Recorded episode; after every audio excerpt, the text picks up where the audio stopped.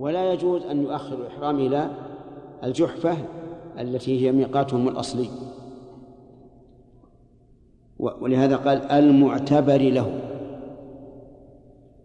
والمعتبر له هو كل ميقات مر به وهو يريد الحج أو العمرة. نعم. يحيى. إذا رجع إلى ميقات الأصلي يكون يجب عليه الدم يا شيخ. إذا إذا تأخر إذا تأخر. إذا تأخر. لا إذا رجع. يعني لو لو مر المدني بالجحفة وذهب إلى المدينة وأحرم من من ذي الحليفة. لا بأس. لكن العكس لا يجوز. نعم. إذا أراد الشخص أن يعتمر في العشر في عشرة ذي الحجة. نعم. هل تكون عمرته أفضل من عمرة رمضان؟ مو ذي الحجة مو من ال... من أشهر الحج؟ إذا كان قد سبق له أدى نعم. يريد أن يعتمر فقط. ظاهر الحديث ما من أيام العمل الصالح فيهن أحب إلى الله من هذه الأيام العشر أنه أفضل. لأن النبي صلى الله عليه وعلى آله وسلم عمم ولم يستثني إلا الجهاد إذا خرج بنفسه وماله ولم يرجع من ذلك بشيء. نعم وليد. ما الحكمة حث النبي على على العمرة في رمضان؟ حيث يدري أن صائمون وسيحتاجون إما له ما حث عليها ما قال اعتمروا في رمضان. لكن قال لهذه المرأة عمرة في رمضان تعدل الحج نشهد الناس يعني في رمضان يأتون ب الحمد لله مسألة يعني في الحقيقة من الناحية العملية يحتاج الإنسان إلى التأمل هل السلف عملوا بهذا؟ هل كانوا يذهبون إلى مكة في في رمضان ويبقون فيها إلى إلى العيد؟ وفيها هذا الحديث وهذا الحديث كما سمعتم قبل قليل بعض العلماء يقول إنما قالوا لهذه المرأة فقط لكن صحيح العموم. نعم. بارك الله فيك يا شيخ. من اعتمر في شهر رمضان؟ نعم. هل الأفضل الحج الإفراد أم التمتع؟ التمتع. الأفضل التمتع. لأن النبي صلى الله عليه وسلم أمر أصحابه بالتمتع في الرابع من ذي الحجة ولم يقل إلا من أتى بعمرة في رمضان أو قبل هذا. نعم. ها؟ هل تختص نية الحج بالتلفظ دون غيره من العبادات؟ لا. هي كغيرها من العبادات. يعني بمعنى أنك تنوي الدخول في النسك وإن لم تتلفظ. إلا على رأي من يقول إن التلبية الشرط للدخول في النسك وأن التلبية بمنزلة تكبيرة الإحرام في الصلاة. لكن الصحيح خلاف ذلك. واضح؟ هل هناك عبادة لها تلفظ غير الحج؟ أصلا الحج مو تلفظ بالنية. يجوز. الحج لا يتلفظ بالنية أيضا. لأن التلفظ بالنية معناه أن يقول اللهم إني أريد أن أعتمر. وهذا لا يقول. أما لبيك عمرة فهو لإظهار ما في قلبه وإعلانه وتعظيم الشعيرة نعم بعض الناس يتلون على جبل ثور وغير حراء جبل إيش؟ جبل ثور إي نعم وغار حراء ليش؟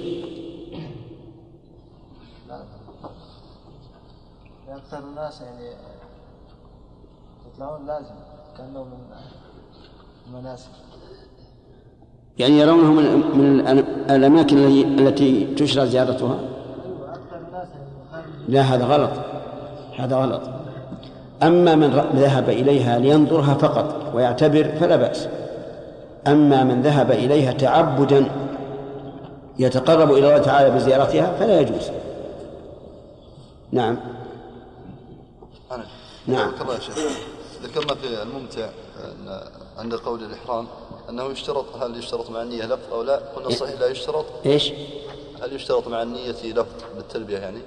قلنا أن الصحيح لا يشترط ومن العلماء أنه قال لابد من التلبية. نعم. في الحاشية الشيخ يقول عن الشيخ الإسلام ينعقد الإحرام بنية النسك مع التلبية أو سوق الهدي. نعم. هذا قول ثالث أو أنه يدخل في الثاني.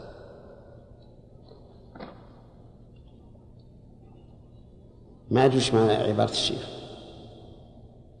الشيخ القول الثاني قالوا إنه لا بد من التلبية مع النية. نعم. وهنا قال عن شيء عن قال شيخ الإسلام ينعقد الإحرام بنية النسك مع التلبية أو سوق الهدي. ها. وهو يعني يعني الشيخ رحمه الله يقول لابد مع النية من تلبية أو سوق الهدي. النية وحدها لا تكفي. لكن صحيح أنها تكفي. الحديث إنما الأعمال بالنيات وإنما لكل امرئ ما نوى. الشيخ رحمه الله يقول ما تكفي النية فقط. لابد أن يلبي. فزاد على قول من يشترطون التلبية سوق الهدي. قول ثالث هذا ها؟ لا قول ثاني بس أضاف إليه. نعم. إذا قرن إذا قرن هل يحرم من مكة أو من بلاد الحج؟ وهو من أهل مكة؟ إذا قرن وهو في مكة يحرم يحرم من مكة. من مكان. لأن لأنها الآن دخلت العمرة في الحج. كما يدخل الحدث الأصغر الوضوء في الغسل من الجنابة. نعم.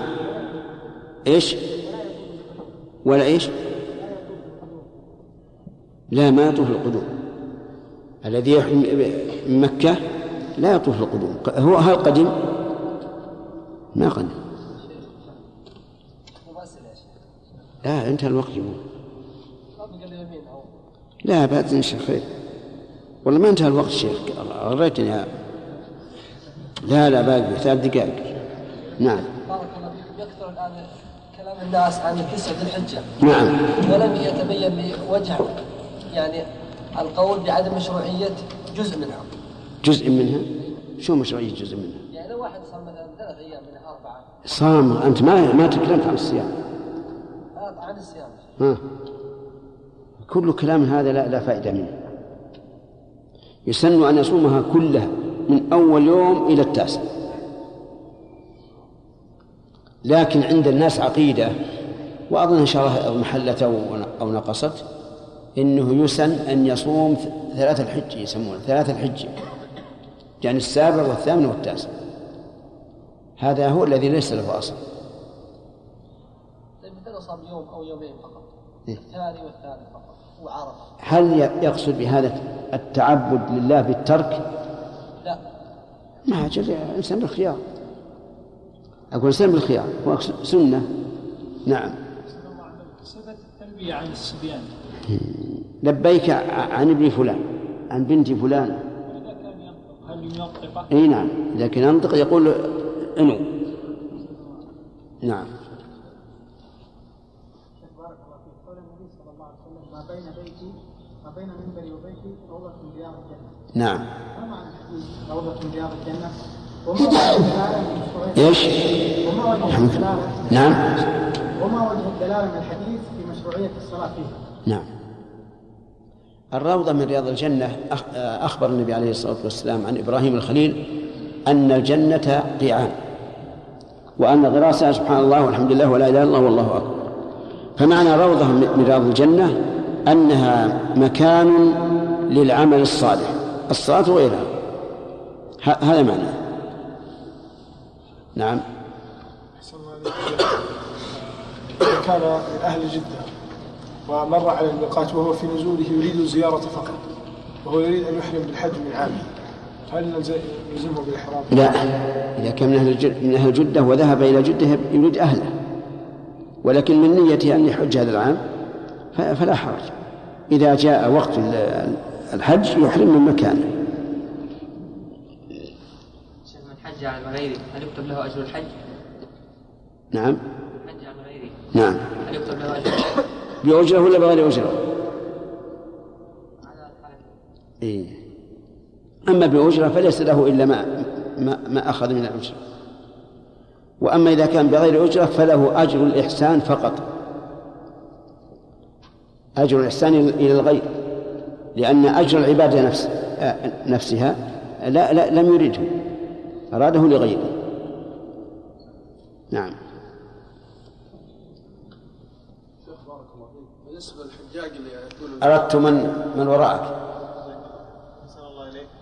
بالنسبة لزيارة قبري خليفتين أبي بكر وعمر. هل هناك أصل من فعل النبي صلى الله عليه وسلم حيث زار شخصا بعينه وذكره وقال السلام عليك يا فلان؟ نعم. من المعلوم أن الرسول مات قبل أبي بكر وعمر. زار شخصا آخر حتى يعد هذا أصلا لأن نقف عند قدر إي نعم نعم. الأصل في هذا أن النبي صلى الله عليه وسلم استأذن الله عز وجل أن يستغفر لأمه فلم فلم يأذن له. واستأذنه أن يزور قبرها فأذن له فزار قبرها للحجاج اللي يأتون من الغرب إذا نزلوا في جدة يزحفون إلى جحفة. يح- يحرمون من النعم وهذا فتاوى من المشايخ من بلاده؟ إيش؟ الشايخ الذي يحرم من جدة لا يكون إحرامه من الميقات هذا جحفة هو ال- الواقع إن اللي يأتون من الغرب يختلفون. من حاد الميقات قبل أن يصل إلى جدة لزمه أن يحرم. إذا حاد الميقات ومن وصل إلى جدة قبل محاذاة الميقات فليحرم من جدة. في مكان في السودان يسمى سواكن. ها؟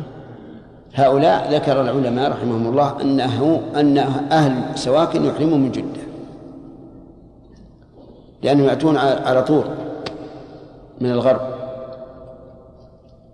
لكن لو جاء من الشمال أو جاء من الجنوب إن جاء من الشمال يحرم من الجحفة وإن جاء من الجنوب يحرم من يلملم نعم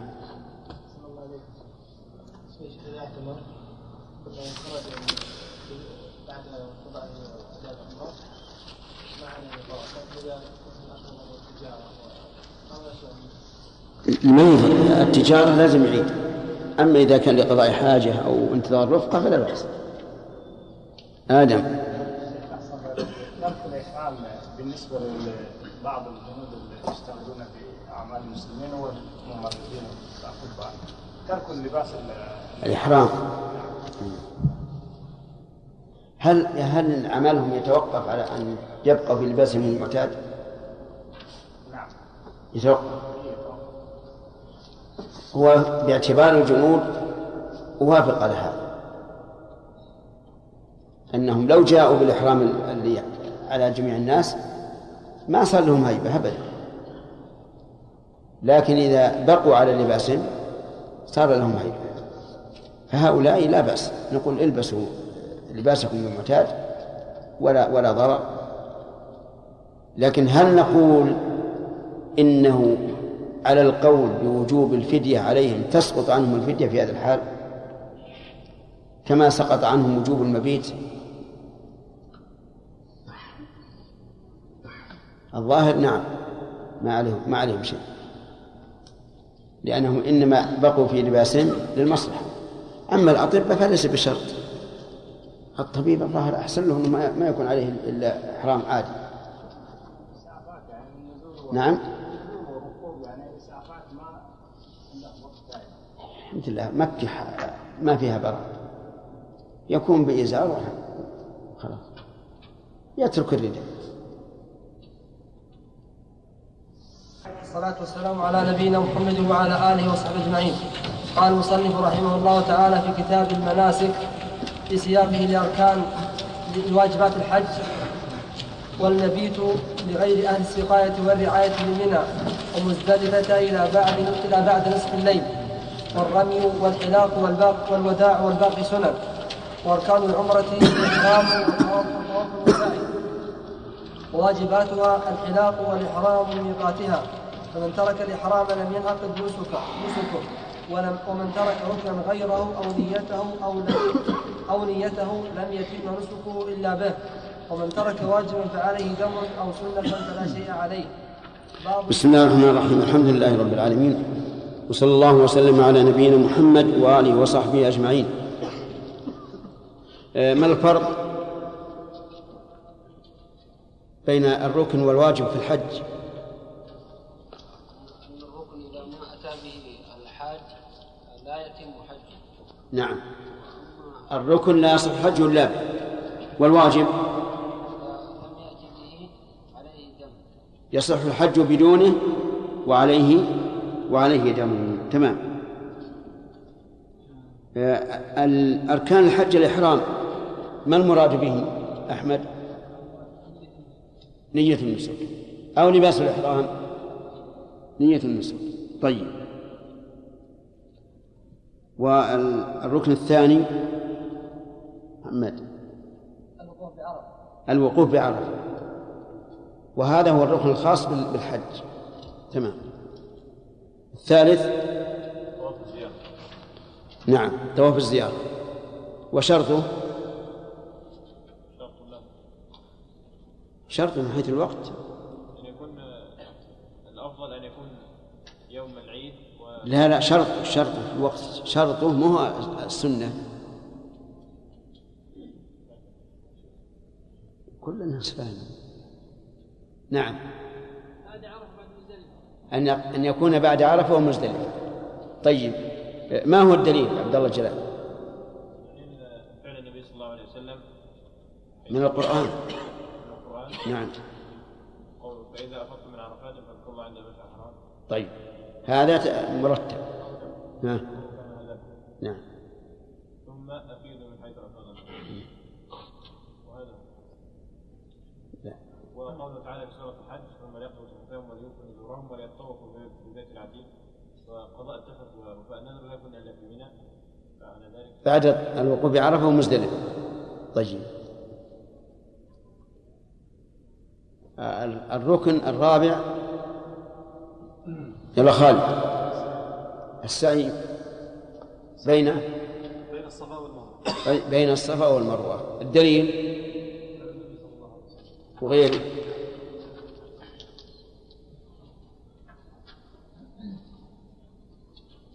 نعم. قوله تعالى. من شعائر الله. وقول النبي صلى الله عليه وسلم إن الله كتب عليكم السعي فاسعوا.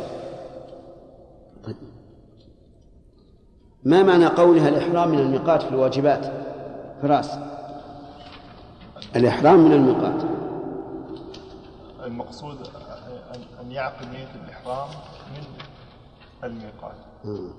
المقصود أن يعقد نية الإحرام من الميقات وليس المراد أن يحرم لأن الإحرام سبق أنه ركن. نعم. طيب.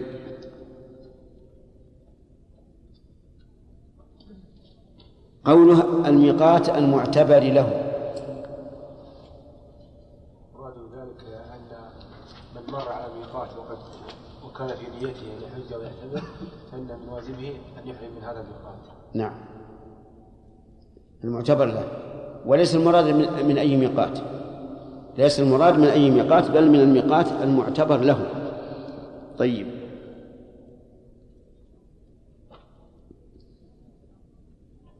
قولها الوقوف بعرفة إلى الغروب. ما هو الوقوف بعرفة ركن؟ أي أجل وش؟ كيف جعله هنا واجبا؟ على قول الوقوف بعرفة إلى الغروب.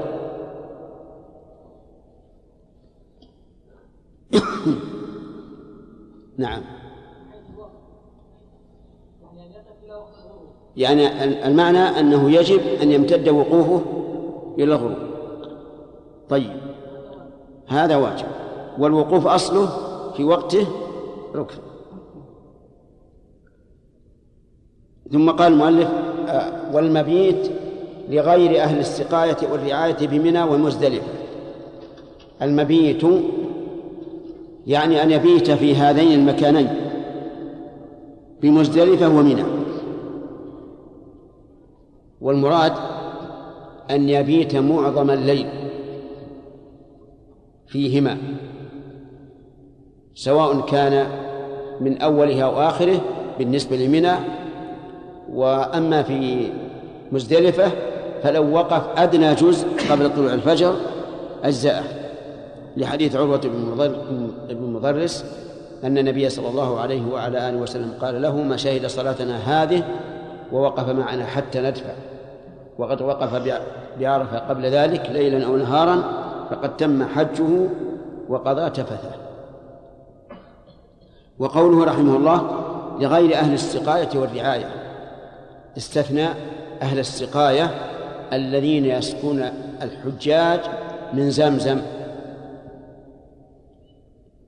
وأما أهل الرعاية فهم الذين يرمون يرعون إبل الحجاج.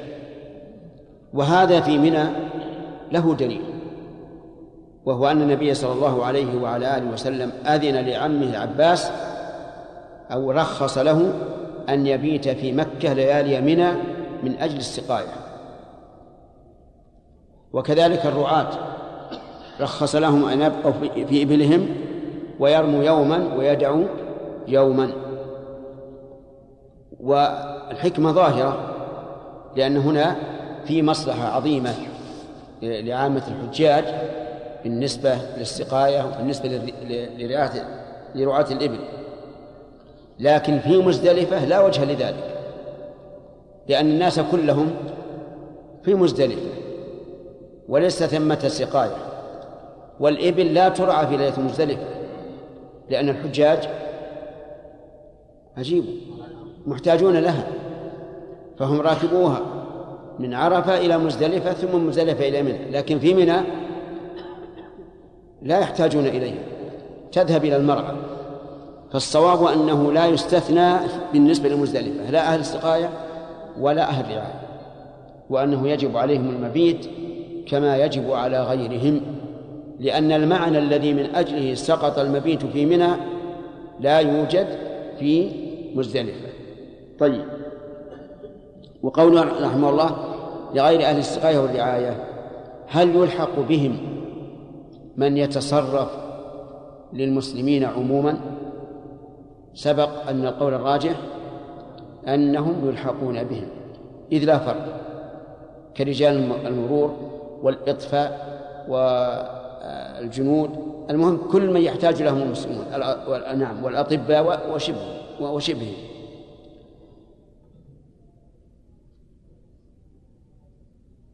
وقوله ومزدلفة إلى بعد نصف الليل. هذا من أتاها قبل منتصف الليل. يجب أن يبقى إلى نصف الليل. أما من أتاها بعد منتصف الليل فيكفي آه، أن يكون إلى إلى الفجر آه، أو إلى آخر الليل في مزدلفة لمن تعجل إلى من تقدم خوفا من الزحام. وقوله رحمه الله إن المبيت بمزدلفة واجب من واجبات الحج قول وسط بين قولين. أحدهما أن المبيت بها ركن من أركان الحج. لأن الله نص عليه. في قوله فإذا أفضتم من عرفات فاذكروا الله عند المشعر الحرام. ولأن النبي صلى الله عليه وعلى آله وسلم قال في حديث عروة بن مضرس وشهد من صلى من شهد معنا صلاتنا هذه وقد وقف بعرفة فقد تم حجه. وهذا القول قوي جدا. وابن القيم رحمه الله يميل إليه إلى أن المبيت في مزدلفة وإن شئت فقل الوقوف في مزدلفة ركن. القول الثاني أن المبيت في مزدلفة واجب. يصح الحج بدونه ولكن على تاركه دم. القول الثالث أنه سنة. وهذا ضعيف. القول بأنه سنة ضعيف. كيف يكون سنة وقد نص الله عليه؟ و وحافظ عليه النبي صلى الله عليه وسلم. أما المبيت في منى فلم يقل أحد من العلماء إنه ركن. لكن اختلفوا هل هو واجب أو سنة. فمنهم من يرى أنه واجب وعلى هذا في تركه دم على القاعدة المعروفة. ومنهم من يرى أنه سنة وليس بواجب. ومنهم من يفرق بين الليلة والليلتين والثلاث. والإمام أحمد لما قيل له إن فلانا يقول في تركه دم ضحك رحمه الله. وقال هذا شديد. وهذا يدل منه على أن المبيت في منى سنة. و فالمبيت بمنى لا ينبغي أن نشدد فيه. ما دام العلماء من التابعين فمن بعدهم يرخصون في بعض يعني بعضهم يرخص فيه. ويرى أنه إذا ترك ليلة فلا شيء عليه. وبعضهم يقول يتصدق بدرهم وبعضهم يقول يتصدق بشيء. بقبضة من طعام أو نحو ذلك فهو عند العلماء ليس بمنزلة المبيت في مزدلفة ولهذا صار الإفتاء الآن بأنه إذا وجد إذا كانت منى ضيقة فإن الإنسان يبيت في في أي مكان شاء في أي مكان شاء سواء في مكة أو في مزدلفة أو أو وراء ذلك. ولكن سبق لنا أن الذي ينبغي أن يضرب خيمته عند آخر خيمة سواء كان من جهة العقبة أو من جهة وادي محسن لأجل أن يكون مظهر الحاج واحدا والرمي رمي الجمار. الثلاث في أيام التشريق والعقبة في يوم العيد فهو من الواجبات. لو ترك الأيام كلها لم يرمي فعليه دم واحد. ولو ترك ثلاث حصيات من آخر جمرة فعليه دم. على ما ذهب إليه الفقهاء رحمهم الله. ما هو الدليل على أن رمي الجمرات؟ واجب. الدليل أن النبي صلى الله عليه وسلم حافظ عليه. وقال بأمثال هؤلاء فرموا. وكونه يحافظ عليه ويرمي ويأمر أن نرمي بمثل هذه الحصيات يدل على أنه مهم. وأقل الأحوال أن نقول إنه واجب. الثالث الحلق. فالحلق الحلق أو التقصير. يعني المؤلف ما ذكر التقصير لكن معروف. الحلق أو التقصير واجب من الواجبات. وليس كما قيل إطلاق من إطلاقا من محظور. يعني بعض العلماء يقول الحلق يعني أن إحرامك انتهى. وقصصت الشعر أو حلقته وليس بنسك وعبادة. ولكن هذا القول ضعيف جدا. لأننا لو قلنا إنها إنه إطلاق المحظور لقلنا إذا يتحلل بجماع زوجته. إذا رمى ونحر يقول بدل حلق الرأس يجامع زوجته. لأن جماعة يدل على أنه حل وانتهى. وكيف يكون إطلاقا من محظور والنبي صلى الله عليه وعلى آله وسلم دعا للمحلقين ثلاثا وللمقصرين مرة وحافظ عليه والصواب أنه واجب وأنه من باب تعظيم الله عز وجل والتعبد له وهذا مشهور حتى في عرف الناس. فإن عابد البشر إذا قابله حلق رأسه أمامه. تعظيما له. فهو يعني الحلق أو التقصير قد دل العرف على أنه من باب من باب التعظيم.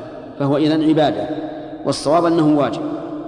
ولكن سبق لنا أن الواجب أن يعم جميع الرأس. لا يجوز الاقتصار على بعضه لأنه نسك. وليس إطلاقا من محظور. قال والوداع يعني طواف الوداع. وطواف الوداع ليس واجبا في النسك.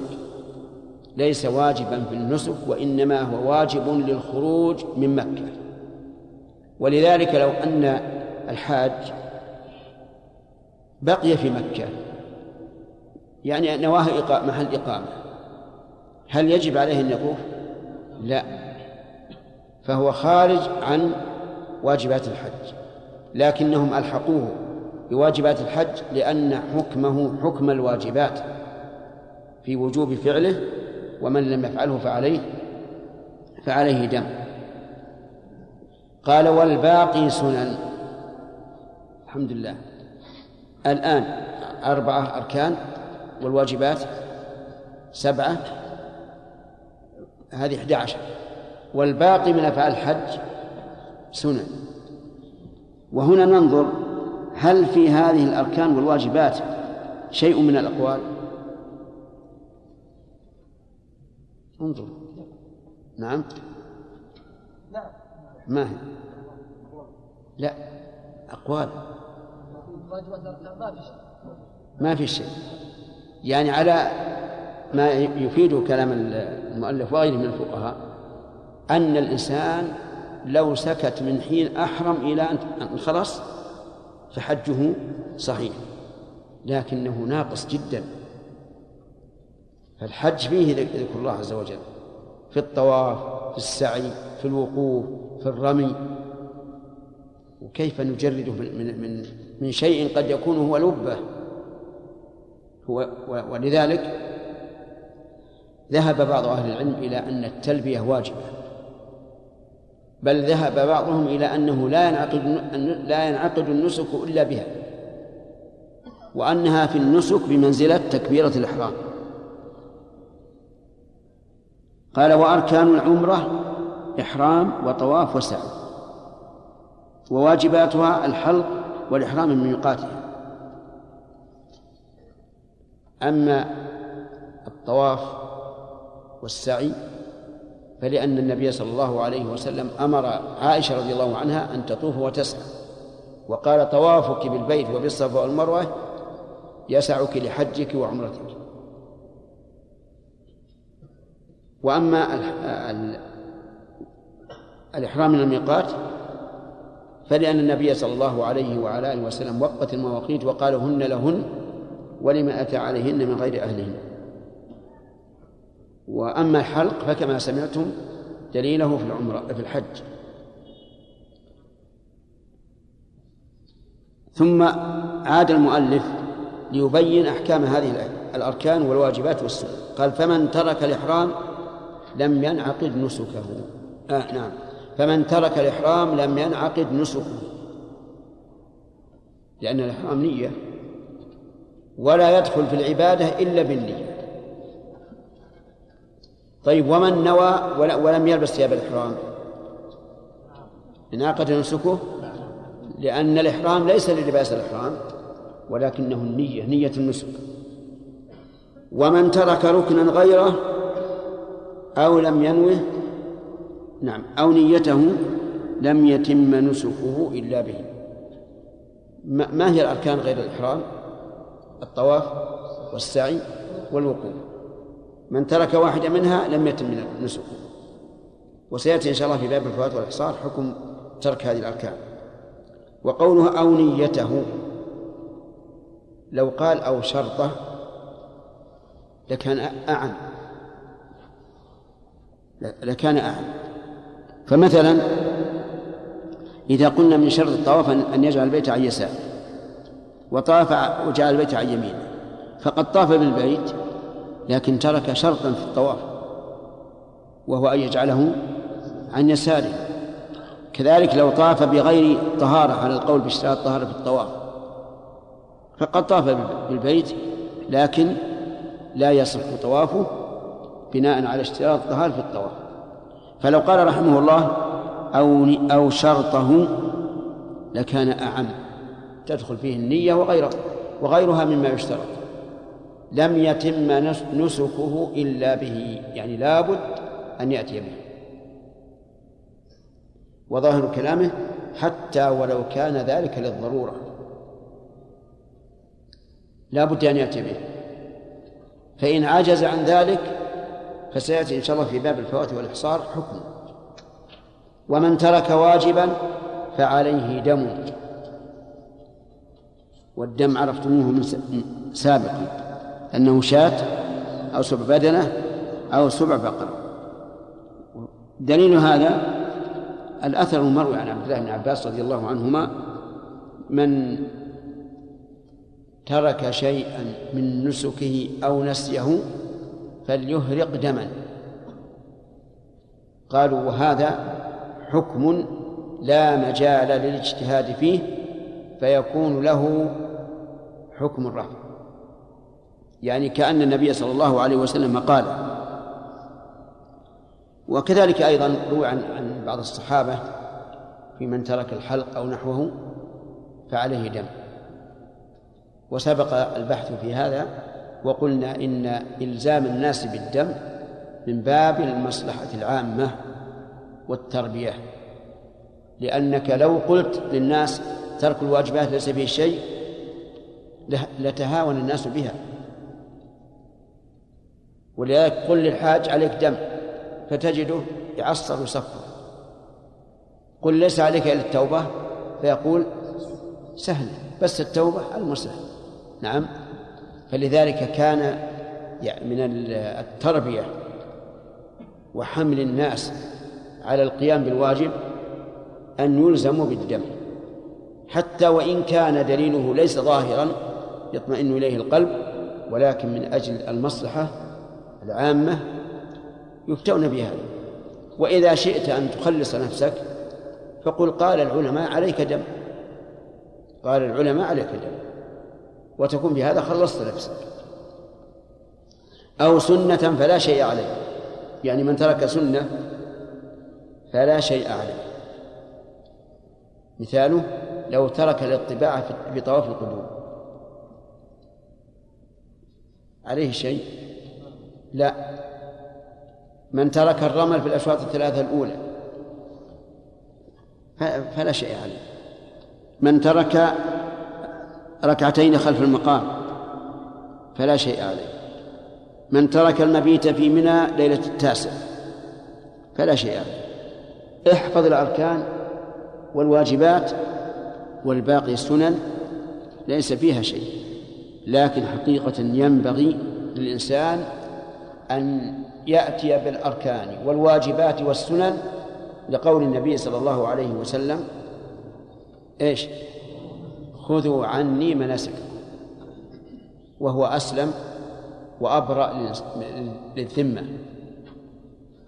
وقد سبق لنا قاعدة تشير إلى ذلك وهو أن أوامر الرسول عليه الصلاة والسلام ونواهيه, لا ينبغي للإنسان أن يسأل واجبة محرمة. بل يفعل اقتداء بالرسول صلى الله عليه وعلى آله وسلم. لكن إذا تورط وخالف فحينئذ ينبغي أن يبحث. بل يجب أن يبحث لينظر هل تصح عبادته أو لا. ثم قال المؤلف رحمه الله تعالى باب الفوات والإحصار الفوات معناه السبق. على وجه لا لا يدرك.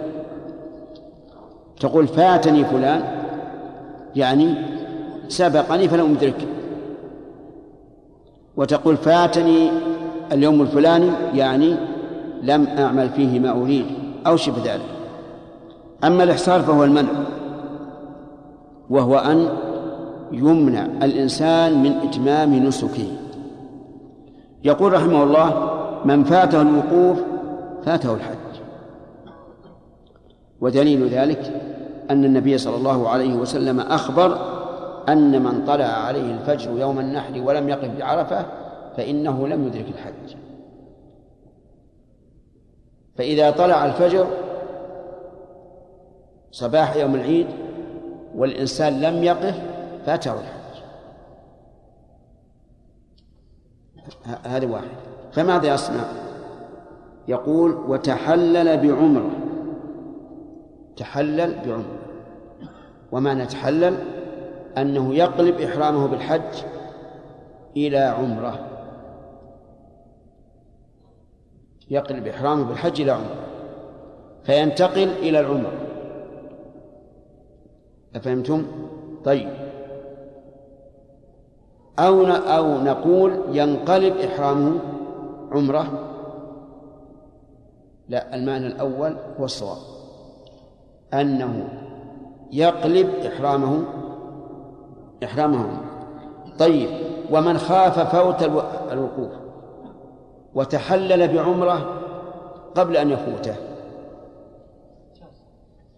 فهو جائز ولا يعد هذا فواتا على كلام الفقهاء رحمهم الله. قالوا لأنه يجوز للحاج أن يقلب إحرامه عمرة. لكن هذا هذا القول فيه نظر. لأنه لا يجوز للحاج أن يقلب إحرامه عمرة إلا إذا أراد التمتع. وإرادة التمتع هنا ممتنعة. انتبه.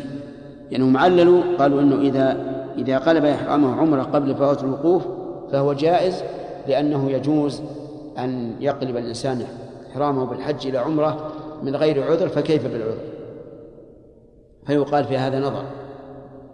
لأننا لا نجوز للحاج أن يقلب إحرامه عمرة إلا إذا كان يريد أن يحج من عام ليصير متمتعا. أما أن يقلب حجه عمرة من أجل أن يتحلل فقط فهذا لا يجوز. طيب إذا طلع الفجر يوم, يوم النحر ولم ولم يقف بعرفة فماذا يصنع؟ يقول تحلل بعمرة ويقضي ويهدي إن لم يكن اشترط. يقضي يعني بدل الحج الذي شرع فيه. ويهدي لفوات الحج. قال إن لم يكن اشترط. ومعنى اشترط؟ أي قال عند إحرامه إن حبسني حابس فمحلي حيث حبست فإن اشترط فهذا فائدة الاشتراط. أنه إذا فاته الوقوف تحلل بعمرة مجانا لا قضاء نعم ولا ولا نعم ولا فدية. طيب. وهل ينبغي أن يشترط؟ سبق أنه إذا خاف ما يمنع من إتمام النسك فالأفضل أن يشترط وإلا فلا. وقوله ويقضي ويهدي ظاهره أنه يجب عليه القضاء ولو كان قد أدى الفريضة. ووجهه أنه لما دخل في النسك صار فرضا عليه.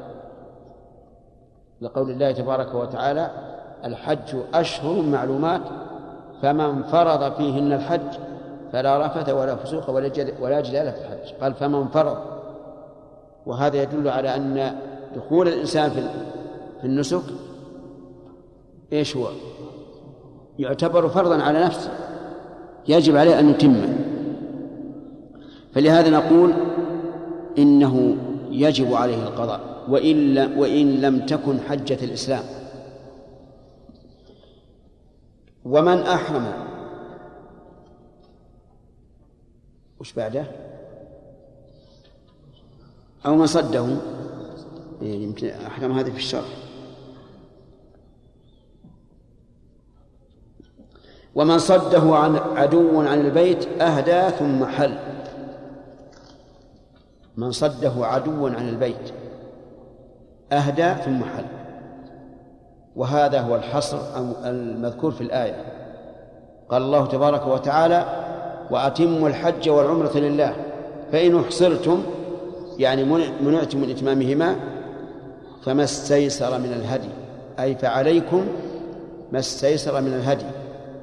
ولا تحلقوا رؤوسكم حتى يبلغ الهدي محله إذا أن قال فإذا أمنتم فمن تمتع بالعمرة إلى الحج فما استيسر من الهدي. وعليه فنقول إذا منع عن الوصول إلى البيت صده عدو فإنه يقول أهدى ثم حل. أهدى يعني ذبح هديا ثم حل. وهذا الإهداء مشروط بأن يتيسر لقوله تعالى فإن أحصرتم فما استيسر من الهدي فإن لم يجد قال ثم حل فإن فقده صام عشرة أيام ثم حل. يعني إذا لم يجد هديا فإنه يصوم عشرة أيام ثم يحل.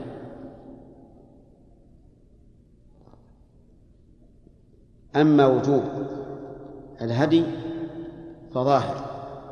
من قوله تعالى فإن أحصرتم فما استيسر من الهدي. ولا إشكال فيه. وأما كونه يلزمه أن يصوم عشرة أيام إذا فقده ففيه نظر. لأن ظاهر ما وقع للنبي صلى الله عليه وسلم حين صده المشركون في غزوة الحديبية أنه لم يأمر الفقراء أن يصوموا عشرة أيام. مع أن أكثر الذين مع الرسول صلى الله عليه وسلم كانوا فقراء. والهدي اللي معهم لا يبلغ ألف وأربعمائة هم كانوا ألفا وأربعمائة. والهدي الذي معهم لا يبلغ ألف وأربعمائة. ولم يقل من لم يجد هديا فليصم ثلاثة عشرة أيام. والأصل براءة الذمة. ولو كانت الأي... ولو كان صيام الأيام واجبا لبين الله في كتابه أو على لسان رسوله صلى الله عليه وعلى آله وسلم. وعلى هذا فنقول إن كان معه هدي تحلل به وإن لم يكن معه هدي فلا شيء عليه. يتحلل بلا شيء. وظاهر كلام المؤلف أنه لا يجب الحلق إذا أحصر وهذا أحد القولين في المسألة. والقول الثاني أنه يجب عليه الحلق إذا أحصر وهذا القول أصح لأن النبي صلى الله عليه وعلى آله وسلم أمر أصحابه أن يحلقوا. ولما رآهم تباطؤوا غضب عليه الصلاة والسلام حتى دخل على أم سلمة وهو غضبان وأخبرها بما جرى فقالت يا رسول الله اخرج اخرج إلي. وادعو بالحلاق واحلق رأسك. ففعل عليه الصلاة والسلام. خرج ودعا بالحلاق فحلق رأسه فجع فكاد فكاد بعضهم يقتل بعضا يتزاحمون على الحلق. لأنهم علموا أنه ما في مجال الآن. ما في مجال للنصر ولا للتصميم على دخول مكة. إذن الصواب أن المحصر يجب عليه الهدي إن تيسر فإن لم يجد سقط وأنه يجب عليه الحلق أو التقصير لأن النبي صلى الله عليه وعلى آله وسلم أمر بذلك. وقول المؤلف رحمه الله صده عدو ظاهره أنه أنه لو صده غير عدو فإنه لا يتحلل. كما لو حبس بمرض. رجل حصل عليه حادث وهو محرم ولم يستطع أن يكمل النسك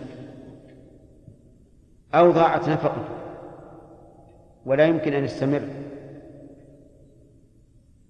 أو ما أشبه ذلك. المهم هل نقول كل شيء يمنع من إتمام النسك فحكمه كمنع العدو؟ المذهب لا. والصحيح أنه لا فرق بين حصر العدو وغيره وأن الحصر وجود أي شيء يمنع من إتمام النسك. وينبني على هذا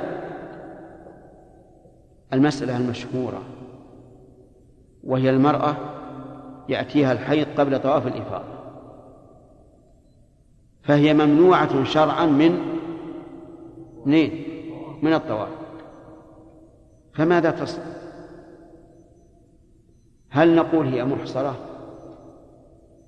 تذبح هديا وتحل أو نقول تبقى محرمة إلى أن تصل إلى البيت مرة أخرى ولو طالت المدة أم ماذا؟ فيه قول ثالث اختاره شيخ الإسلام رحمه الله.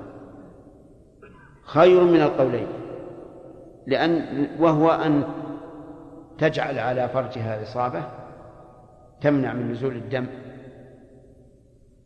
وتطوف وهي حائض للضرورة. وما ذهب إليه رحمه الله هو المطابق لما تقتضيه الشريعة السمحة. لأننا لو قلنا إنها تكون محصرة وتذبح هديا وتحلل ماذا يكون؟ خسرت الحج. صار تعبها كله لا فائدة منه. وهذا خسارة عظيمة لا سيما على أهل البلاد البعيدة. تجد الرجل يمضي حياته وهو يجمع للحج ثم نقول لهذه المرأة خلاص ما حج. لو قلنا تبقى محرمة يعني على التحلل الأول فيهم أيضا ضرر. إن كانت إن كانت ذات زوج حرمت من زوجها. وإن لم تكن ذات زوج حرمت من النكاح. فهذا ضرر عظيم. لا تأتي الشريعة بمثله ولذلك كان القول الراجح في هذه المسألة أنها تتحفظ وتطوف للحاجة. ولكن هل يقال من كانت من أهل من المملكة هل يتأتى فيها هذا الحكم؟ الجواب لا لأن الذين في المملكة والحمد لله أمرهم يسير. لها أن تذهب مع أهلها إذا لم يمكن أن ينتظروها وإذا طهرت رجعت. فإن قال قائل قولكم هذا يبطله حديث أن النبي صلى الله عليه وسلم قال في صفية لما أخبر أنها حائض قال أحابستنا هي. ولم يقل تذهب إلى المدينة وإذا طهرت رجعت. نقول هذا لا لا ينبغي. أما قولها حابستنا هي فلأن الرسول صلى الله عليه وسلم سينتظرها. ونحن نقول إذا إذا انتظرها محرمها فخير. لكن إذا لم يمكن أن ينتظرها محرمها فأيما أولى أن ينتظر المحرم أو يذهب بها إلى بلدها وإذا طهرت رجع الأول ولهذا كان بإمكان الرسول عليه الصلاة والسلام أن يسافر بها لكن سفروا بها إلى المدينة ثم إذا طهرت رجعت. هذا أصعب بكثير من انتظاره حتى تطهر لمدة خمسة أيام ستة أيام سبعة أيام. أسئلة؟ نعم. أركان العمرة والواجبات نعم. المؤلف طواف الوداع في العمرة. العلم نعم. بعدمه نعم. صحيح صحيح. آه، بعض العلماء يفتي بعدم ولكن نحن قلنا إن حتى ذكره في واجبات الحج ليس على أنه من واجبات الحج. بدليل ان أن الرجل لو أقام في مكة ما ما لزمه الوداع. والدليل على وجوب طواف الوداع في العمرة اولا أن النبي صلى الله عليه وسلم قال ليعلى بن أمية اصنع في عمرتك ما أنت صانع في حجك. اصنع في عمرتك ما أنت صانع في حجك وهذا عام ويستثنى منه ما دل الدليل على استثنائه كالوقوف بعرفة ومزدلفة ورمي الجمار وما أشبه. ثانيا أن النبي صلى الله عليه وسلم سمى العمرة حجا أصغر. فهي حج لكنها أصغر. ثالثا أنه لا فرق من حيث المعنى بين الحج والعمرة. بل لو قيل إيجاب طواف الوداع في العمرة أولى من إيجابه في الحج لأن أفعالها أخف وأقل. ورابعا أن هذا الرجل دخل إلى البيت بطواف فليخرج منه بطواف. نعم. يحيى؟ شخص وجد خيمة خالية منها. ما فيها نعم. لا يدري من نعم. فيه ينزل خارج طيب هل مثلا هو أيس من أن يأتي إليه صاحبها؟ الآن حاليا ما فيها طيب. لعله رزق ساقه الله إليه. يج- يجلس فيها. لأن حتى صاحبها ليس له الحق أن يبني خيمة تختص به. فإذا جاء يقول منى مناخ من سبق نعم. سيكون جدال ما في شك. وربما يكون ضرب. نعم. لكن يدرأ بالتي هي أحسن. نعم. أرفع يدك نعم. بالنسبة نعم.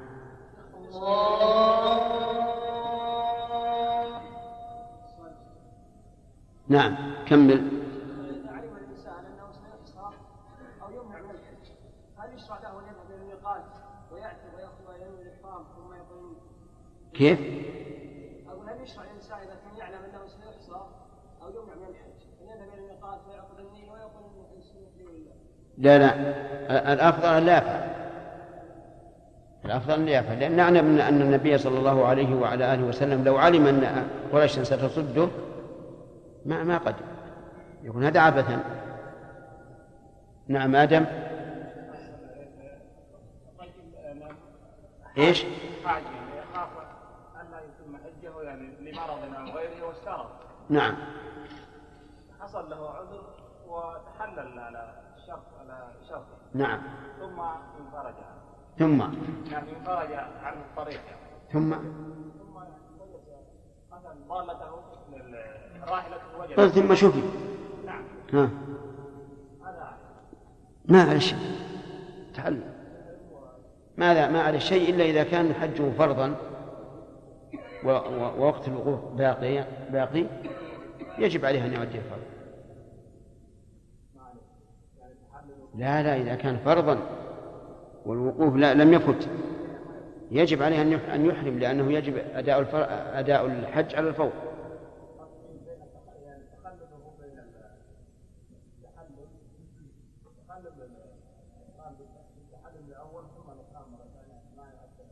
لا ما يأتي نعم عبد الله.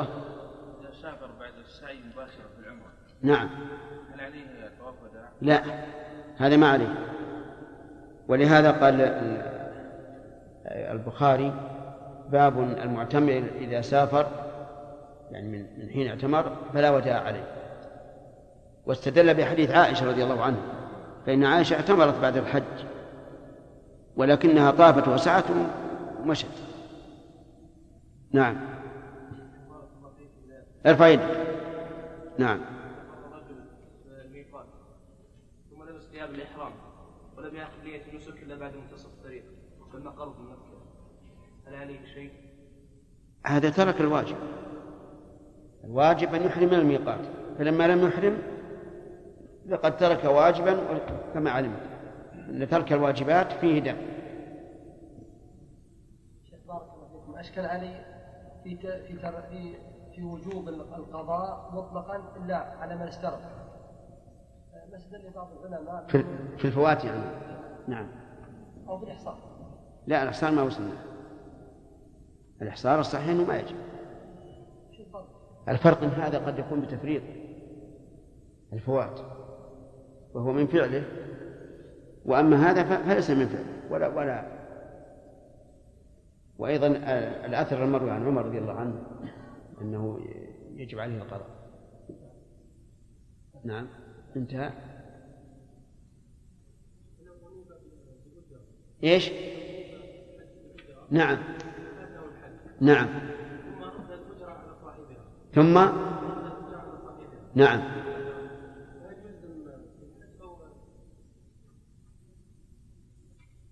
يلزم وتكون الأجرة على على على, على ما هي عليه. لكن الهدي الزائد إن كان بتفريطه فهو عليه وليس على الذي وكله. وإن لم يكن بتفريطه فلا شيء. أحسن الله إليكم. بعض الناس إذا حجوا يتمتعون أولا. ثم إذا وصل وتحلل من العمرة إذا وجد عمل ترك الحج. ثم اشتغل. هل هذا عليه أن يعيد الحجة؟ هو وش جيد؟ ويريد يحج لكن بين أمرين متردد. يبي يعتمر أولا ثم إذا لكن هل هو نوى يعني هل هو نوى الحج أولا ثم حوله إلى عمرة؟ ولا من الأصل معتمر؟ معتمر وحاج أولا أصل لكن ما لكنه أتى بالعمرة وانتهى منها. طيب. وهون. هون. هون. لا حرج ما في مانع. إلا إذا كان فريضة. فإنه يحرم- عليه أن يؤخره. وش ما لا من الدم أو أو أشبه ذلك لا. يعني هو لم ي... لأنه لم يشرع في الحج. لكن نحن نقول إذا كانت هذه هي الفريضة يجب أن يحرم لأنه الآن مستطيع. نعم. ما الجواب عن قول من قال النبي صلى الله عليه وسلم ما طاف الوداع في عمره؟ ما طاف؟ قال عنه أنه طاف الوداع في عمره نعم. سهل الجواب على هذا؟ يقال أما من جهة عمره الجعرانة فهو طاف وسعى وخرج في ليلته. ولهذا كثير من الصحابة لم يعلمها وهذا لا إشكال فيه. وأما عمرة القضاء فيقال إن أصل إيجاب طواف الوداع كان متأخرا. لأن النبي صلى الله عليه وعلى آله وسلم لم لم يذكره إلا في حجة الوداع. نعم لو فرض أنه قاله قبل عمرة القضاء ثم اعتمر ولم ولم يطف قلنا العمرة لا, لا, لا طواف لها. لكن أصل الإيجاب ما واجب إلا متأخر. نعم. شيخ لو تأخر شخص طواف الوداع طواف الوداع. طواف الإفاضة كي يجمع بين طواف الإفاضة والوداع بدون العذر هل يصح؟ لا بأس لا بأس. سبقت لنا هذه. هذا ما يفضي إلى تداخل العبادات. وهو كذلك.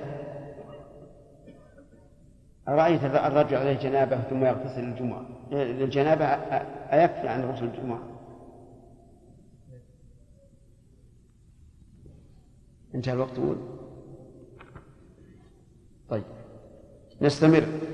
قال المؤلف رحمه الله تعالى فإن فقده صام عشرة أيام ثم حل. قلنا الصحيح أنه لا صوم عليه لأنه لا دليل على ذلك. قال وإن صد عن عرفة تحلل بعمرة. إذا صد عن عرفة غير إذا فاته الوقوف. إذا صد عن عرفة تحلل بعمرة. لأن هذا غاية ما, ما, ما يستطيع. إذ أنه هو لم لم يمنع من من الطواف والسعي. لكن منع من إيش؟ من الوقوف. فيقال الآن يمكنك أن تتحلل بعمرة كما لو فاته وسبق أنه إذا فاته الوقوف تحلل بعمرة. وأنه إذا فاته الوقوف لا يجب عليه المبيت في مزدلفة ولا رمي الجمار ولا المبيت في منى لأن هذا كله تابع للوقوف. وإن صد عن عرفة تحلل بعمرة وإن حبسه مرض أو ذهاب نفقة بقي محرما إن لم يكن اشترط. إن صده مرض حبسه مرض ما صار يستطيع. يبقى محرما. إلى متى؟ إلى أن يشفى. طالت المدة أم قصرت؟ كذلك إذا إذا حبسه ذهاب نفق. يعني ضاعت نفقته ولم يتمكن من مواصلة إتمام الحج يبقى محرما. إلى؟ نعم. إلى إيش؟ إلى أن يجد النفق. لكن إذا فات الوقوف له شيء آخر. إذا فاته الوقوف يتحلل بعمرة وينتهي. وذلك لأنه يجوز إذا إذا فاته الوقوف أن يتحلل بعمرة. فكذلك إذا إذا أحصر وفاته الوقوف فلم يقف فإنه يتحلل بعمرة. بقي محرما إن لم يكن اشترط فإن اشترط تحلل ولا شيء مجانا ولا شيء. ثم قال مالك رحمه الله باب الهدي والأضحية. الهدي ما يهدى إلى الحرم من النعم وغيرها فهو أوسع من الأضحية. إلا ما نص الشرع على أن المراد به ما كان من بهيمة الأنعام فإنه يتبع ما دل عليه الشرع. مثل قول الله تعالى فإن أحصرتم فما استيسر من الهدي وقوله فمن تمتع بالعمرة إلى الحج فما استيسر من الهدي فهنا يتعين أن يكون الهدي من بهيمة الأنعام وأن تتم فيه الأوصاف المطلوبة الشرع. أما إنسان بيحمل الطعام إلى مكة ويتصدق به على الفقراء فهذا يسمى هديا لكن بالمعنى العام بالمعنى العام. قال والأضحية هي ما يتقرب بذبحه إلى الله عز وجل. في عيد الأضحى والأيام الثلاثة بعده. وهل هما متغايران؟ الجواب نعم متغايران. لأن الأضحية في البلاد الإسلامية عامة والهدي خاص فيما يهدى للحرم. يقول أفضلها إبل ثم بقر ثم غنم. ولا يجزئ فيها إلى آخره. أفضلها إبل ثم بقر ثم غنم. ولا تصح من غير من غير هذه الأصناف الثلاثة. التي هي بهيمة الأنعام. كما قال عز وجل ويذكر اسم الله على ما رزقهم من بهيمة الأنعام. وهي الإبل والبقر والغنم مع معزها وضأنها. فما هو الأفضل منها؟ نقول إن كان يريد أن يضحي بشيء كامل فالأفضل الإبل لأنها أكثر لحما فتكون أكثر نفعا. ثم بعد ذلك البقر لأنها أكثر لحما فتكون أكثر نفعا. ثم الغنم لأنها أقل. هذا إن كان يريد أن يضحي بكامل. فإن كان يريد أن يضحي بشخص فالظأن أفضل. يعني لو قال أيما أفضل شاة أو سبع بقرة أو سبع بدنات الشاة أفضل لأنها كاملة. لكن إذا أراد أن يضحي بالإبل والبقر كاملة فهي أفضل من الغنم. يستدل على هذا والله أعلم أن الرسول صلى الله عليه وسلم لما أراد أن يكثر الهدي أهدى إبلا ولم يهدي بقرا ولا غنما. أما الأضحية فإنه عليه الصلاة والسلام كان يضحي بالشاة. ثم ولا يجزئ فيها إلا جدع الظأن وثني وثني سواه. ثم فصل هذا أحد الشروط بل هو الشرط الثاني في الأضحية والهدي. الأول أن تكون من بهيمة الآن. والثاني أن تبلغ السن المعتبر شرعا. وهو ما ذكره رحمه الله في قوله جذع ضأن وثني سواه. ودليل ذلك أن النبي صلى الله عليه وعلى آله وسلم قال لا تذبحوا إلا مسنة إلا أن تعصر عليكم فتذبحوا جذعة من الضأن. فقوله جذعة من الضأن خص الضأن بذلك لأن الضأن أطيب لحما من المعز وقوله إلا مسنة المسنة قال العلماء قال العلماء إنها الثنية.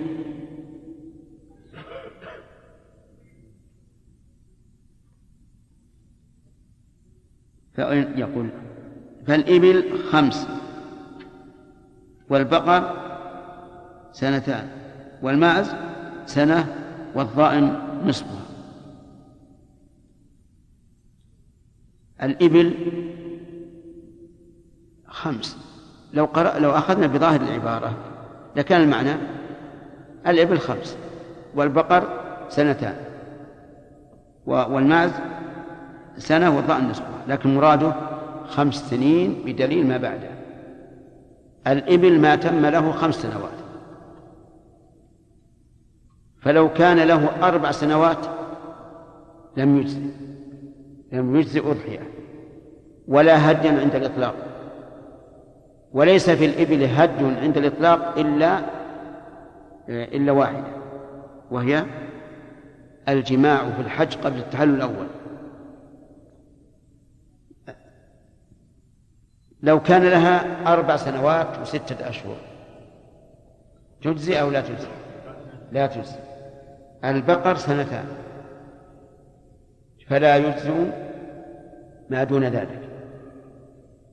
فإن قال قائل لو أثنت البعير قبل الخمس والبقرة قبل السنتين فهل نعتبر بالثنية بكونها أثنت؟ أو نعتبر بالسنين ونقول هذا شيء نادر والنادر لا حكم له. ظاهر كلام العلماء رحمهم الله أن العبرة بالسنوات وأنها متى تم لها خمس سنين فهي ثنية أو سنتان فهي ثنية أو المعز سنة فهي ثنية سواء أنبتت الثنية أو لا. وأنها لو أنبتت الثنية قبل هذه المدة فهي ليست ثنية. يعني أنه محدد بالسن بقطع النظر عن كونها أثنت أو لا. والماء السنة والضأن نصفها نصف سنة. يعني ستة أشهر هلالية. ولا عبرة بالأشهر غير الهلالية لأن لأن الله يقول يسألونك عن الأهلة قل هي مواقيت للناس والحج. فإن قال قائل هل لهذا علامة؟ فالجواب يقال إن إن فيه علامة بالنسبة للظأن. ما دام شعره قائما فإنه لا يجزي. وإذا نام على ظهره صار مجزئا. لكن هذه ما هي علامة مؤكدة بمعنى أننا نعتبرها هي بل نعتبر التاريخ. فإذا قال ولد هذا هذا الخروف أول يوم من محرم. متى يتم ستة أشهر؟ نعم. آخر آخر جماد الأولى. بالوقت. قال نعم. كيف؟ كيف؟ محرم صفر. ربيع الأول ربيع الثاني جماد الأولى جماد الثاني. آخر جماد الثاني. يقول رحمه الله وتجزئ الشاة عن واحد والبدنة والبقرة عن سبع.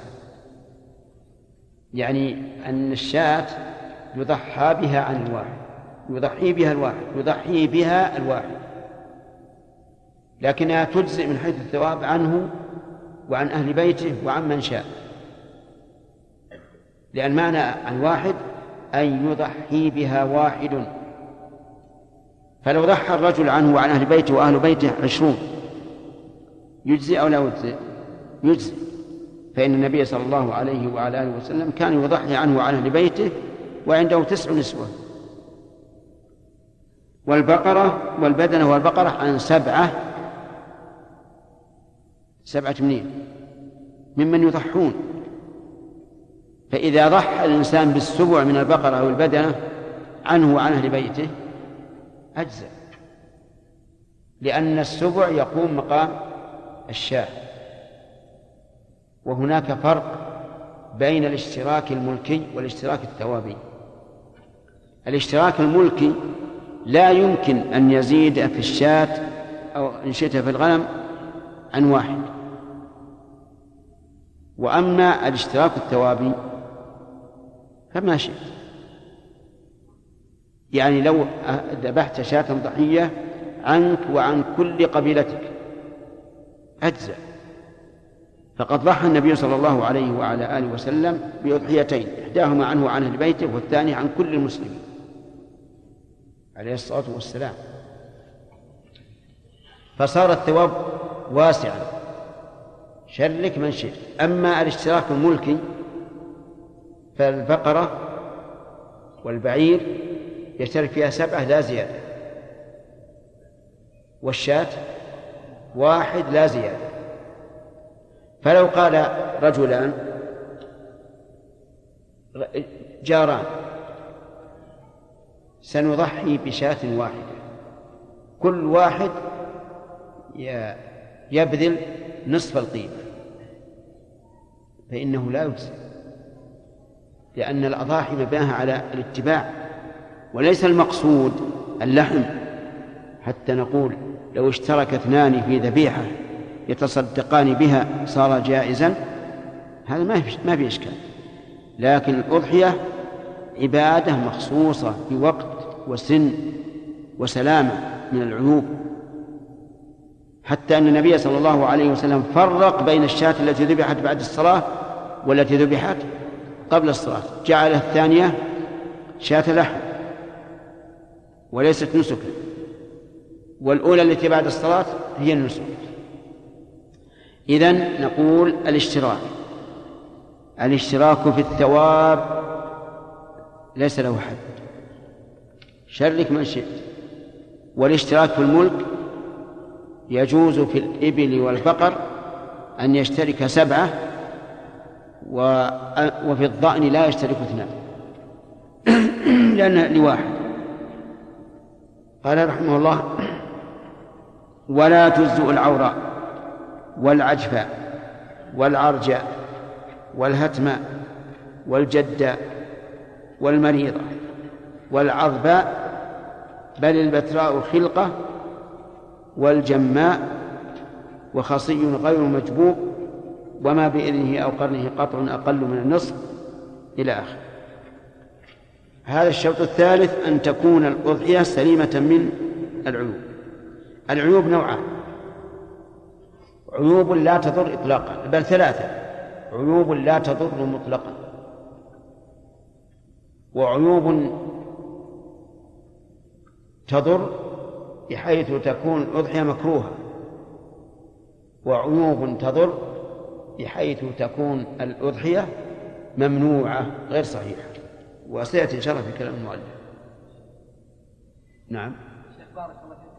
متى نقول يشرع للإنسان إما وجوبا أو سنة مؤكدة على قولين؟ نعم. متى يكون صفة هذا الإنسان لابد يكون عليه؟ آه، هو أي الأصل أنها لا يخاطب بها إلا البالغ. البالغ العاقل الواجب. هذا الأصل. لكن لو فرض أن هناك يتامى لو تركنا آه، الأضحية لهم انكسرت قلوبهم. فهنا نضحي لهم. ولو كانوا صغار. طيب شيخ لو كان مثلا رجل عنده أربعة أولاد كل واحد وظيفته وما تزوج وبعضهم متزوج. نعم.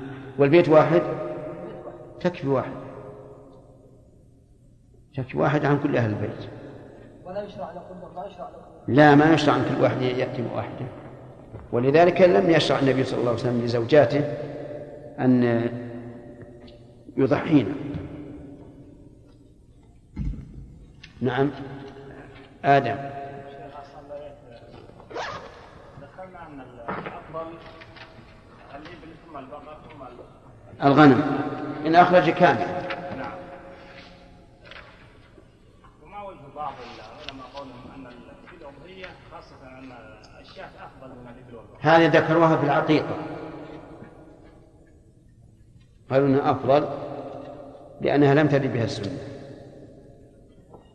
وأما الأضحية ف- فقد عرفت الدليل. الرسول عليه الصلاة والسلام أهدى أهدى إبل. نعم؟ الفقهاء يقولون كل طواف له ركعتان. وتعلم أن النبي صلى الله عليه وسلم لم يطوف إلا ثلاث أطوفة في حجه. طواف القدوم صلى ركعتين ركعتين. وطواف الوداع صلى صلاة الفجر بعد الطواف. والفقهاء يقولون إن الفريضة تجزي عن ركعتي الطواف. بقينا في طواف في طواف الإفاضة. لا لا أعلم أنه صلى ركعتين لما انتهى من الطواف. لكن كلام الفقهاء يقولون إن كل طواف فله ركعتان. نعم.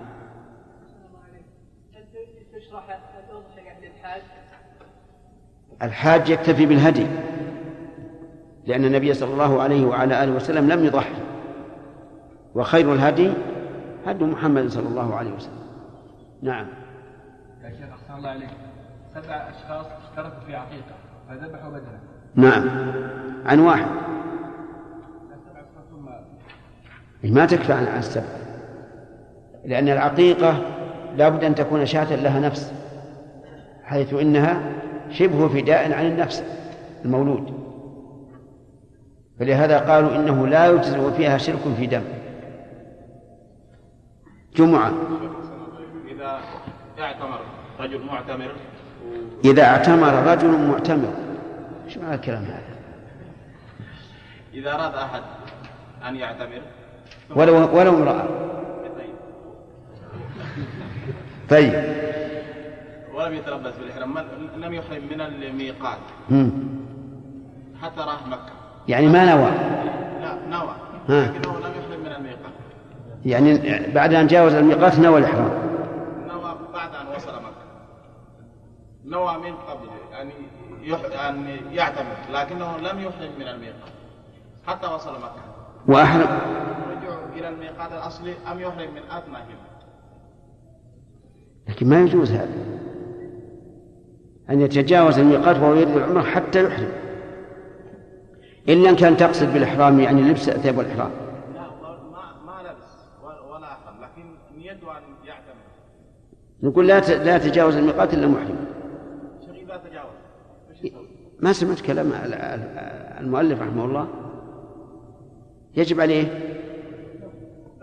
يجب عليه دم. لكن لو رجع وأحرم من الميقات قالوا إنه يسقط الدم وكذلك ما يفعله بعض الناس الآن ولا سيما المشتغلون في وظائف الحكومة من الجنود وغيرهم. يقدمون إلى الميقات مثلا في 25 من ذي القعدة.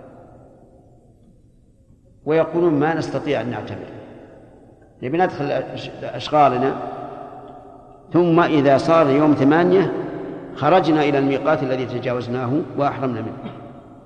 هذا لا بأس به. لأنهم حين مرورهم بالميقات وتجاوزهم إياه قد نووا الرجوع إليه والإحرام منه. الآن هو يحرم من أدنى أم من لا لا يجب أن يخرج إلى إلى الميقات الذي مر به. لو قدرنا أنه مر بذي الحليفة. وهو يريد العمرة ولكنه مضى إلى مكة ثم أراد أن يحرم بالعمرة نقول اذهب إلى الحليفة إذا راح الجحفة مثلا ما يكفي لأنه مر بالحليفة أولا قررنا أن فعل العبادة بدون اشتراط أولى من فعل الاشتراط. نعم. كان سيحرم من مكان بين الميقات ومكه. قلنا يحرم من مكان. فان خاف أن أن يحصر بين الميقات بين مكانه ومكه في مكان قد فيه. فهل لا يحرم إلا بعد بعد ان تجاوزه؟ لا. لا يحرم من ميقات من مكان. حديث ابن عباس فمن حيث أنشأ. نعم.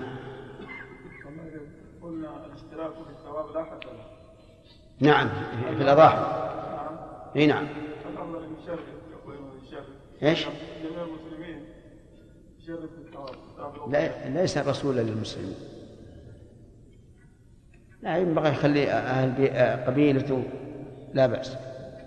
لكن ما رأيكم في الأضحية للرسول عليه الصلاة والسلام؟ لو أراد الإنسان بضحية ضحية للرسول صلى الله عليه وسلم. نعم. قلنا هذا بدعة. لأن الصحابة ما فعلوه. ومحبة الرسول في قلوب الصحابة أكثر من محبتك أنت أنت. ولم يفعلوا ذلك. بل إن بعض أهل العلم يقول الأضحية للميت غير مشروعة أصلا. لأنها لم تثبت عن الرسول صلى الله عليه وسلم. فالرسول مات له أبناء وبنات ولا ضحى له وزوجات وأعمام ولم يضحي لهم هل أنت أعلم بشريعة الله من رسول الله؟ إذا ما تصح. والتضحية يقولون ليس المقصود منها الأكل المقصود التقرب إلى الله تعالى بذبحها فأنت إذا فعلت هذا فقد أهديت عبادة بدنية. ما هي مالية؟ والذين قالوا بجواز الأضحية عن الميت قاسوها على الصدقة عن الميت. قياس لأن ما عندهم دليل. فهمت؟ والقياس غير صحيح. لأن الأضحية عبادة مستقلة لها شروط معينة. والصدقة أي مال انتفع بالفقير فهو صدقة حتى الثياب والأطعمة وغيره. لكن نحن نقول إن شاء الله إنه إنه بناء على القاعدة أن كل من آه، تصدق لشخص وصله. وكل عبادة يتصدق بها عن ميت فنرجو أن تكون نافعة له. انتهى الوقت. باب الحج والأضحية. ولا تجزي الأوراء والعجفاء والأرجاء والهتماء والجداء والمريضة والأضباء فالبتراء خلقة والجماء وحصي غير مجهوب وما بأذنه وقرنه قطع أقل من النصف. والسنة الإبل قائمة مأكولة يدها اليسرى فيطعنها بالحربة في الوهلة التي بين أصل الغدة والصدر ويذبح غيرها ويجوز عكسها. نعم. ويقول بسم الله والله أكبر اللهم هذا منك ولك ويتولاها صاحبها أو يوكل مسلما ويشهدها. ووقت الذبح بعد صلاة العيد أو قدره إلى يومين بعده ويكره في ليلتهما فإن فات قضى واجبه. بسم الله الرحمن الرحيم. الحمد لله رب العالمين وصلى الله وسلم على نبينا محمد وآله وصحبه أجمعين. سبق لنا أن الأضحية لها شروط. الأول الأول أن تكون بلغت سنا معتبرة شرعا لا. عبد الله أن تكون من بهيمة النعام. طيب ما هو الدليل؟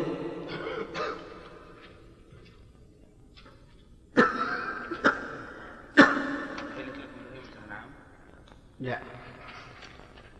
نعم. قول النبي صلى الله عليه وسلم من عمل عملا ليس عليه أمر لا.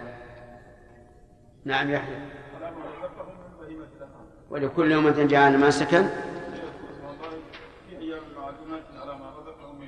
نعم. أحسنت. فإذا ثبت هذا قلنا من عمل عملا ليس عليه أمرنا فهو رد.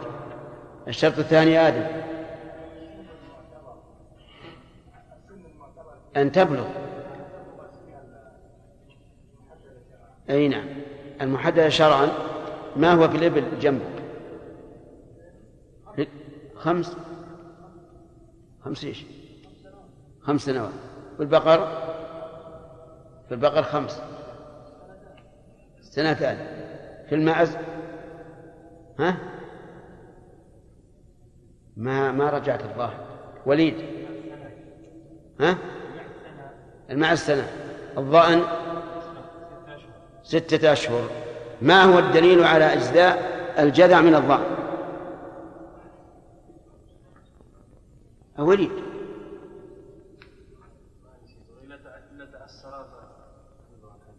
الحديث. ما هو؟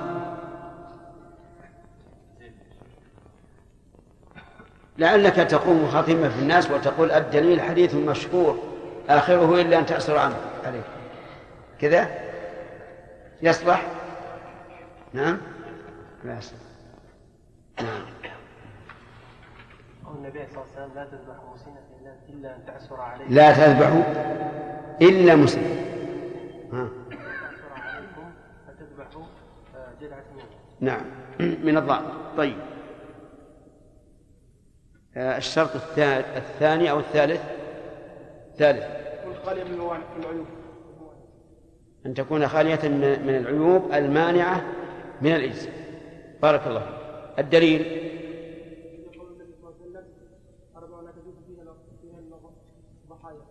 نعم أربعة لا تجوز في الأضاحي ذك- وذكره ستأتي إن شاء الله. الشرط الرابع. أنت نعم.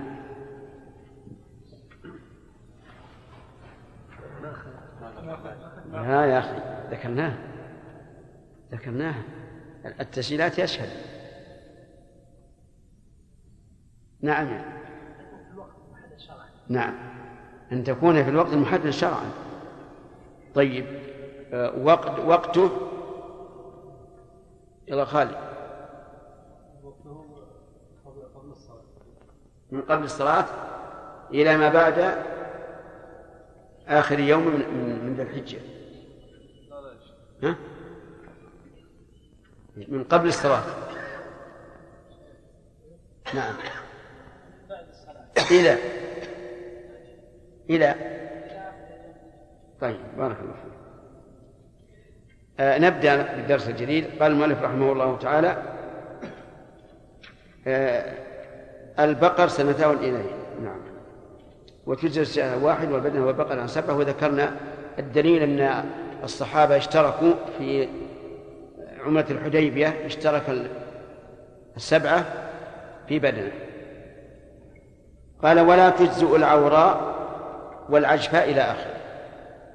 لا تجزئ العوراء يعني لا تجزئ في الأضحية أما أن يذبحها ويتصدق بلحمها فيجزي لكن أضحية قربة معينة محددة من قبل الشرع. وقول مؤلف العورة ليس على إطلاق. بل لا بد من إضافة قيد أضافه النبي صلى الله عليه وعلى آله وسلم وهي البين عوره. وبيان العور يحصل بأمرين إما بنتوء الحدقة حدقة العين وإما بانخسافها.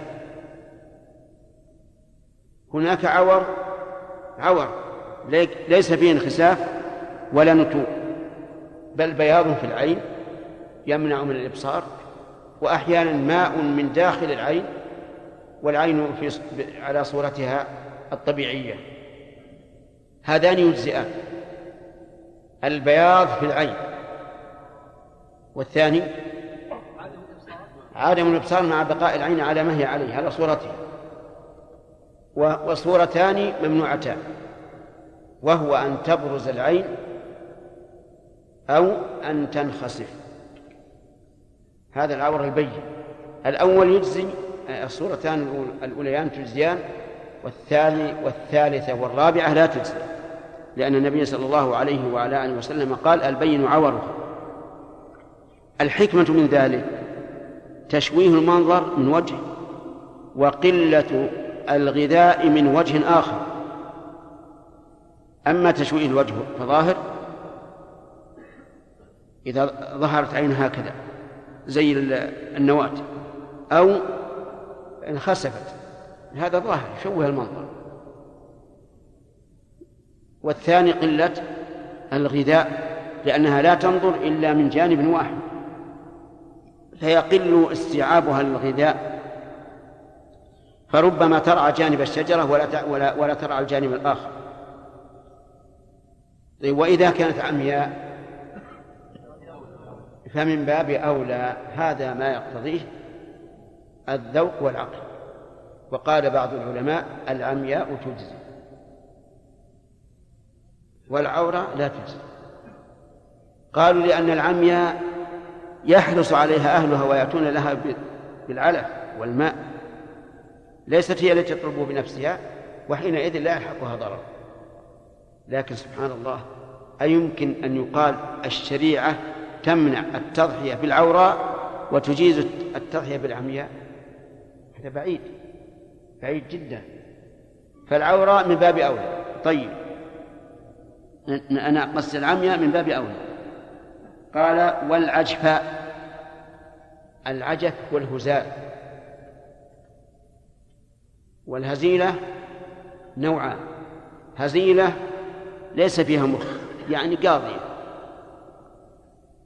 إذا قامت تمشي وإذا هي ترجرج. ما فيها مخ. وهزيلة طرأ عليها الهزال من قرب لكنها قوية. فما المراد؟ ظاهر كلام المؤلف أنها كلها لا تجزي ولكنه ليس ليس بمراد. المراد الهزيلة التي لا تنقي.